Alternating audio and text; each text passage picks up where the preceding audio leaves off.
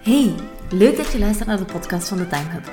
Als je graag meer tijd wil vrijmaken om al je ambitieuze plannen uit te voeren en tegelijkertijd meer rust wil ervaren in je leven, bedrijf en hoofd, dan ben je hier helemaal op de juiste plek. Mijn naam is Ellen en al jaren doe ik onderzoek naar manieren die me helpen om tijd te winnen, productiever te worden en mijn wilde plannen met een gezonde portie rust te combineren. In deze podcast deel ik mijn bevindingen, tips en hacks en vooral ook het verhaal van mijn zoektocht naar meer tijd. Hoi hoi en welkom bij alweer een nieuwe aflevering van de Time Hub podcast. In de vorige aflevering hadden we het over de jaarlijkse review en wat dit voor jou kan doen. En ik hoop enorm hard dat er hier wat interessante inzichten voor jou zijn uitgekomen. Nu, in deze aflevering wil ik graag met jou en een paar van die inzichten aan de slag gaan om het voor jou eigenlijk zo concreet mogelijk te maken. Als er uit jouw jaarlijkse review een bepaalde visie is gekomen voor het komende jaar waarmee je aan de slag wil gaan, dan top, dan heb je eigenlijk al voldoende om met deze aflevering uh, en de oefeningen eruit verder te gaan werken. Is dat niet zo en heb je eigenlijk nog niet zo'n duidelijk beeld van wat je het komende jaar wil bereiken of hoe dat je wil voelen, dan kan, je, kan ik je aanraden om even de vorige aflevering of aflevering 3 van deze podcastserie te gaan beluisteren of herbeluisteren.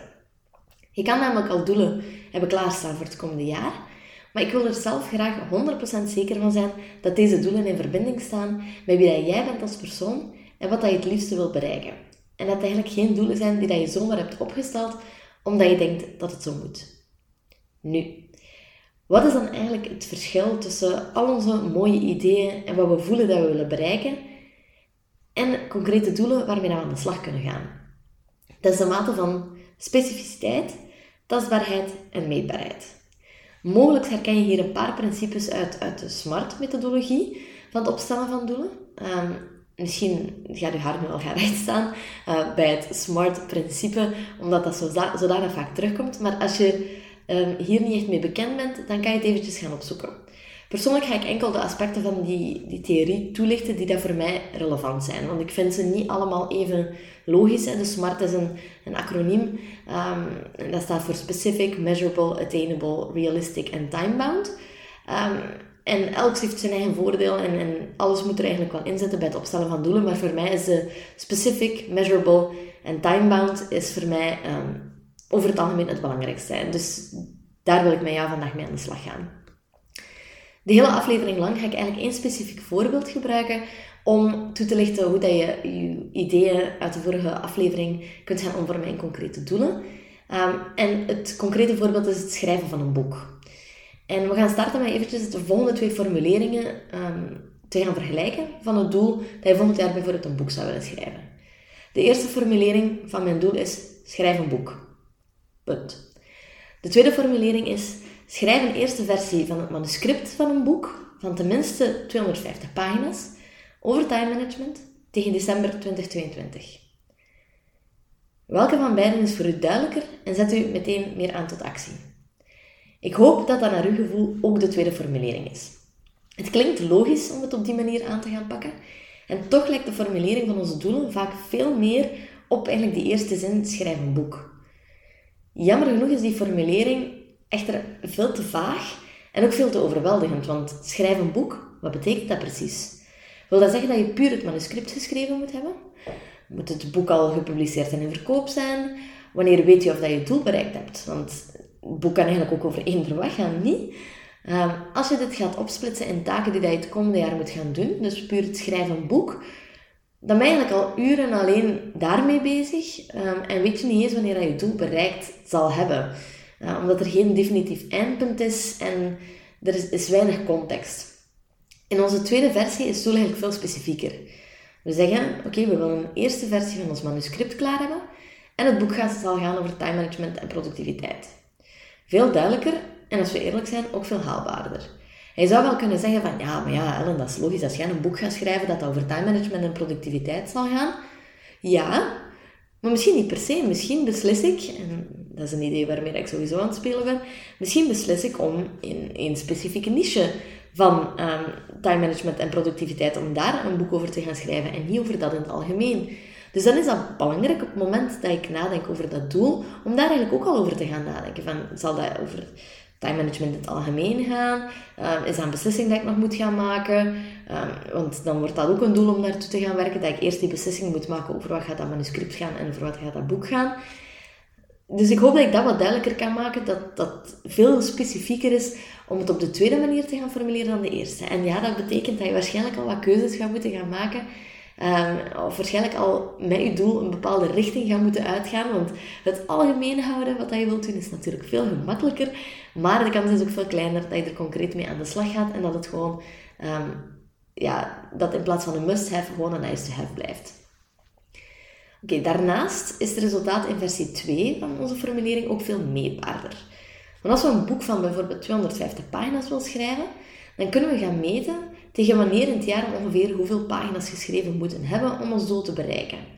In versie 1 kunnen we even goed eindigen met een boek van 250 pagina's, maar is de kans vrij groot dat je alle pagina's in zeven naasten tijdens het laatste kwartaal gaat schrijven, omdat we eerst veel te veel tijd aan iets anders aan het spenderen waren.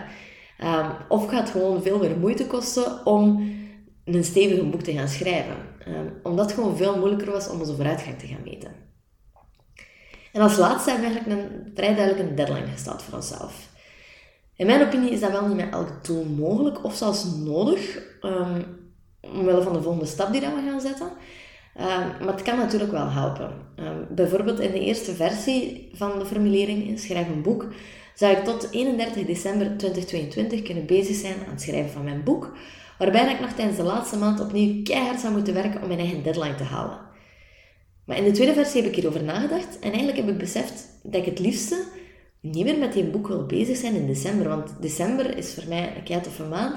Dat is de maand waarin ik wil rusten en wil terugblikken op het voorbije jaar. En ook gewoon van de feestdagen wil genieten. Dus voor mij moet mijn manuscript tegen begin december af zijn. Dus hopelijk maak ik op deze manier het verschil tussen beide een beetje duidelijk en kan ik u hiermee aanzetten om uw ideeën te gaan omvormen in doelen die dat zo concreet, specifiek en meetbaar mogelijk zijn en die indien nodig gebonden, gebonden zijn aan een specifieke deadline. Oké, en dat is eigenlijk dan stap 1 van het opstellen van je doelen. Dus we gaan blijven gaan met die banaan. We gaan er gewoon mee verder. Um, en de volgende stap is eigenlijk om je doelen dan kleiner te gaan maken. Totdat ze voor onszelf zo behapbaar mogelijk zijn. Want ja, zelfs met de stappen die ik hierboven gezet heb, is mijn doel om een boek te schrijven, of een manuscript van 250 pagina's, wat dat dat, nog steeds de kloever van je welste. Daarom raad ik persoonlijk eigenlijk altijd aan om doelen ook zoveel mogelijk in mijlpalen te gaan opsplitsen. Eigenlijk kan je mijlpalen gewoon gaan zien als kleinere doelen. Je hoeft dat echt niet voor elk doel te gaan doen, um, dat je daar tussendoelen voor gaat creëren, maar zeker voor de big and scary goals en de die, doelen die verder weg in de toekomst liggen, kan dat gaan helpen. Zo zou ik bijvoorbeeld mijn doel van eerder kunnen opsplitsen in de volgende mijlpalen, namelijk 1. Maak een outline van de inhoudstafel van het manuscript tegen eind januari. 2. Onderzoek het stappenplan voor het publiceren van een boek tegen eind mei. En 3. Schrijf elke maand vanaf februari tot en met november 25 pagina's. Zodat ik eigenlijk 10 maanden aan een stuk die pagina's geschreven heb. Persoonlijk zou ik dan ook nog de laatste, um, de, de, de laatste mijlpaal van elke maand 25 pagina's schrijven, concreet gaan opsplitsen maand per maand. En zo ergens duidelijk gaan noteren Ehm, zodat ik eigenlijk echt elke maand een concrete mijlpaal heb om naartoe te gaan werken en dat dat bijna gewoon gewoonte wordt die ik ga trainen. Dit maakt het voor mezelf weer een pakje tastbaarder, wat dat ik wanneer moet gaan doen en waar dat ik prioriteit aan moet geven. En niet alleen dat, het zorgt ook voor kleine momenten waarop dat ik mijn vooruitgang kan gaan vieren. Mijn lange termijn doel hebben we vaak maar één punt waarop dat we ons succes gaan vieren en dat is de eindmeet. En dat kan vrij demotiverend zijn, omdat we weer opnieuw niet, niet onze vooruitgang aan het zien zijn en dat we eigenlijk geen idee hebben of dat we goed bezig zijn. Als ik een volledig jaar geen tussendoelen zou creëren en ik werk gewoon af en toe een keer aan dat, dat boek, dan is de kans vrij groot dat ik gedemotiveerd raak omdat ik gewoon geen resultaat zie of dat ik niet weet of dat ik goed bezig ben um, of dat ik er wel ga geraken. En door eigenlijk met die concrete mijlpalen te gaan werken, breng je hier veranderingen en zorg je ervoor dat je successen veel vaker kan gaan vieren. Dus we hebben al onze um, ideeën omgevormd in concrete, specifieke, meetbare doelen. Dan hebben we voor elk van die doelen eigenlijk mijlpalen gedefinieerd waar dat we naartoe gaan werken. En dan is eigenlijk onze next step om die mijlpalen te gaan omvormen in projecten. Een project is dan vaak concreet echt een verzameling aan taken die dat je moet gaan uitvoeren, soms in een bepaalde volgorde, om die mijlpaal te gaan bereiken. Het kan zijn dat een mijlpaal één op één te mappen is met een project. Dus dat je eigenlijk kunt zeggen, ja, die mijlpaal die ik hier heb, dat is eigenlijk gewoon een project dat ik zo in mijn eh, projectenmanager kan zetten en taken voor ga definiëren. Maar soms zijn er ook weer meerdere projecten nodig om één mijlpaal te gaan bereiken. En soms gaat er misschien ook één project zijn dat meerdere mijlpalen een invloed gaat hebben. Het kan zelfs zijn dat er nog projecten bij je algemene doel komen kijken die ook niet meteen tot het resultaat van je mijlpaal uh, leiden, maar die dat toch dienen te gebeuren. Oké, klinkt misschien wat verwarrend, maar als je dat begint op te sommen, weet gewoon dat daar weinig beperkingen in zijn en dat dat niet zo is dat dat, dat altijd perfect één op één te mappen is, maar dat wel belangrijk is dat je um, de projecten die daar op je lijstje staan of op je lijstje terechtkomen, dat die ergens te linken vallen met je mijlpalen en met je doelen. Want dat is ook weer vaak wat er gebeurt. Hè. Stel dat mijn doel is, um, dat ik een paar doelen heb, en ik heb ineens een, een, een project opgeschreven, website updaten. Ja, dan is het wel belangrijk dat ik voor mezelf eens ga denken, als ik dat project website updaten prioriteit ga geven bovenop al de rest, waar leidt dat naartoe? Leidt dat naar een van mijn doelen? Een van de dingen die dat belangrijk zijn voor mij dit jaar? Nee? Jammer, dan uh, zal ik eigenlijk dat projectje toch langs de kant moeten schuiven totdat ik uh, mijn doelen bereikt heb. Want het helpt mij over het algemeen op dit moment niet verder. Dus dat is eigenlijk vooral wat ik hiermee bedoel. Uh, bijvoorbeeld, een van de, de projecten die dat bij mijn algemeen doel komt kijken, maar die dat ook niet meteen tot het resultaat van mijn mijlpalen leidt, is bij mij ja, dat ik waarschijnlijk in mijn voorbeeld ook ergens ga moeten onderzoeken hoe dat je goede kopie voor een boek schrijft, want ik heb hier geen ervaring mee. En dat hangt heel specifiek af van de situatie die dat je zelf gekozen hebt. Dus opnieuw raad ik ook wel weer aan om je projecten niet al te groot te gaan maken. Probeer zoveel mogelijk te gaan kiezen voor projecten die dat je bijvoorbeeld één maand of maximaal één kwartaal tijd kan gaan uitvoeren. Te grote projecten zullen je opnieuw gaan overweldigen, dus maak het zo klein mogelijk. Zo zou ik bijvoorbeeld mijn eerdere mijlpalen gaan omvormen in een bepaald outline boek, research publicatieboek, volgcursus copywriting en schrijf 25 pagina's als recurrent project. De kans is vrij groot dat als je deze oefening gaat doen, dat je al een vrij grote projectenlijst uitkomt. Je kan deze projectenlijst gaan gebruiken om al een bepaalde outline te maken, van welk project je ongeveer waar tijdens het jaar of wanneer tijdens het jaar aan zou willen werken. En er eigenlijk een grote tijdslijn van gaan maken, afhankelijk van wanneer je je mijlpaal zou willen bereiken. Ik kan u zeker helpen om dit high level te gaan doen, maar voor het concrete toewijzen van bepaalde maanden en het uitvoeren van de volgende oefening raad ik u aan om u tot de tijdsperiode van een kwartaal te gaan beperken. Dus dat je eigenlijk alleen maar gaat kijken naar de projecten en de mijlpalen dat je in het komende kwartaal um, op gaat focussen. Luister hiervoor zeker ook eventjes naar aflevering 9 van de podcast, um, want daarin ga ik dieper in op de planning die je per kwartaal kan gaan doen. Alright. Idealiter heb je nu een beeld van hoe dat je jaar er ongeveer zou uitzien als je dat ene doel, dat ene doel waarover dat we het hebben, zou proberen te bereiken en wat dat je tegen wanneer gedaan zou willen hebben. Als laatste opdracht raad ik u aan om vervolgens te gaan braindumpen wat dat er voor elk project moet gebeuren en hier al een takenlijst voor te gaan maken. Liefst dus enkel voor het eerste kwartaal, zodat je er volledig in kan duiken, maar volledig up to you. Wilt jij dat liever voor de rest ook al gaan doen, zodat je iets meer een visie hebt van wat er voor de rest van het jaar ook op je ligt te wachten? More than welcome. Maar opnieuw, ik wil een beetje voorkomen dat je overweldigd wordt, want normaal gezien heb je nu al best een pittige lijst voor je liggen. Probeer voor de projecten voor het eerste kwartaal zo breed mogelijk te gaan nadenken over allerlei taken die bij je project zouden komen kijken. Dat is echt een van de meest cruciale stappen om ervoor te zorgen dat we onze doelen gaan bereiken, want vaak stoppen we bij het definiëren van de projecten en vergeten we na te denken over wat er hier allemaal bij komt kijken. Dat zorgt er vaak voor dat onze projecten zodanig overweldigend zijn dat we het niet meer zien zitten om ermee aan de slag te gaan. Um, of dat we eigenlijk onderschatten hoeveel werk dat erbij komt kijken. Dus neem er echt uw tijd voor, want mogelijk zijn er taken waaraan je totaal niet gedacht zou hebben.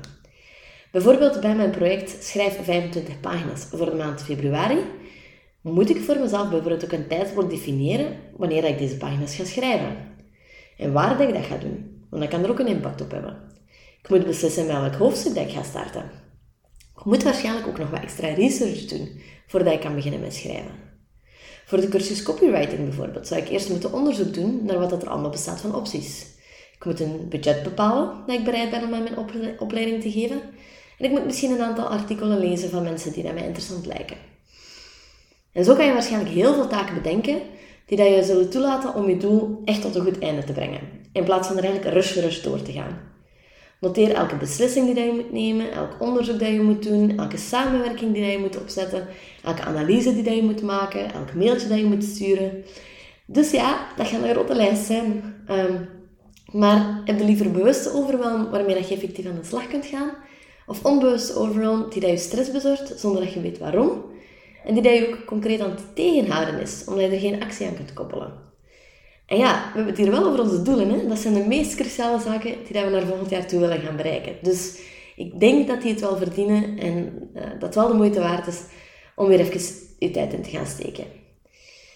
Heb dus vooral geen schrik om die braindump te gaan uitvoeren. Eens dat je je taken hebt, heb je normaal gezien helderheid en kun je elke maand en week gewoon heel duidelijk gaan bepalen wat dat je gaat aanpakken, wat dat je prioriteit krijgt, zodat je naast al je andere day-to-day taken, want die zijn er ook nog, en verantwoordelijkheden, ook nog stilletjes aan vooruitgang kan maken met je doelen.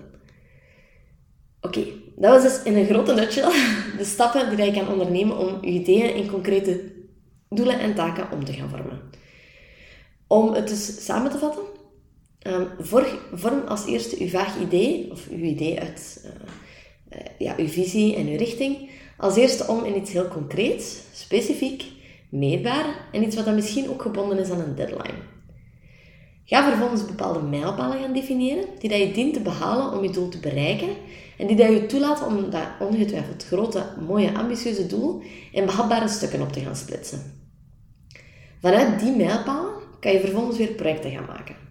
Projecten die jou een logische volgorde van hands-on taken gaan bezorgen, die dat je kan gaan inplannen en waarmee dat je aan de slag kan gaan om maand per maand te gaan definiëren wat dat je focus gaat zijn. En dan moet je als laatste stap natuurlijk ook nog al die taken gaan brainstormen en even een braindump gaan doen van wat dat er precies allemaal bij jouw projecten uh, komt kijken.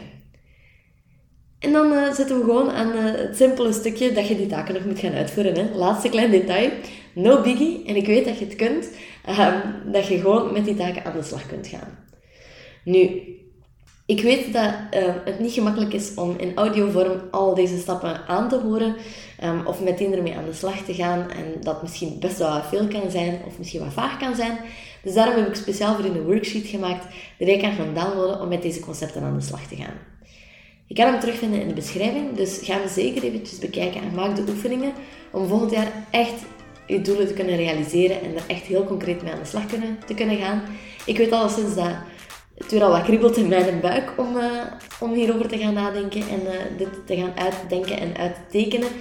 En dat ik het al helemaal zie zitten, uh, met enige kleine detail dat ik nu een vrij onvoorspelbare factor bij hebben in mijn leven, aka een kleine baby, om voor te zorgen. Dus dat we nog even gaan moeten kijken hoe dat, dat precies allemaal gaat gebeuren. Maar dat wil niet zeggen dat ik geen doelen ga maken naar volgend jaar toe. Het wil gewoon zeggen dat ik ga proberen extra realistisch te zijn en het opstellen van waar dat ik naartoe wil gaan. Zoals altijd, heb je van deze aflevering genoten? Geef ons dan een seintje via Instagram Stories. Wij gaan er eventjes tussenuit met de podcastafleveringen voor de kerstperiode. Maar we zien je graag terug, of horen je graag terug, op 12 januari. Tot dan, happy holidays en alvast een uh, spetterend nieuwjaar. Geniet ervan en tot dan. Doei!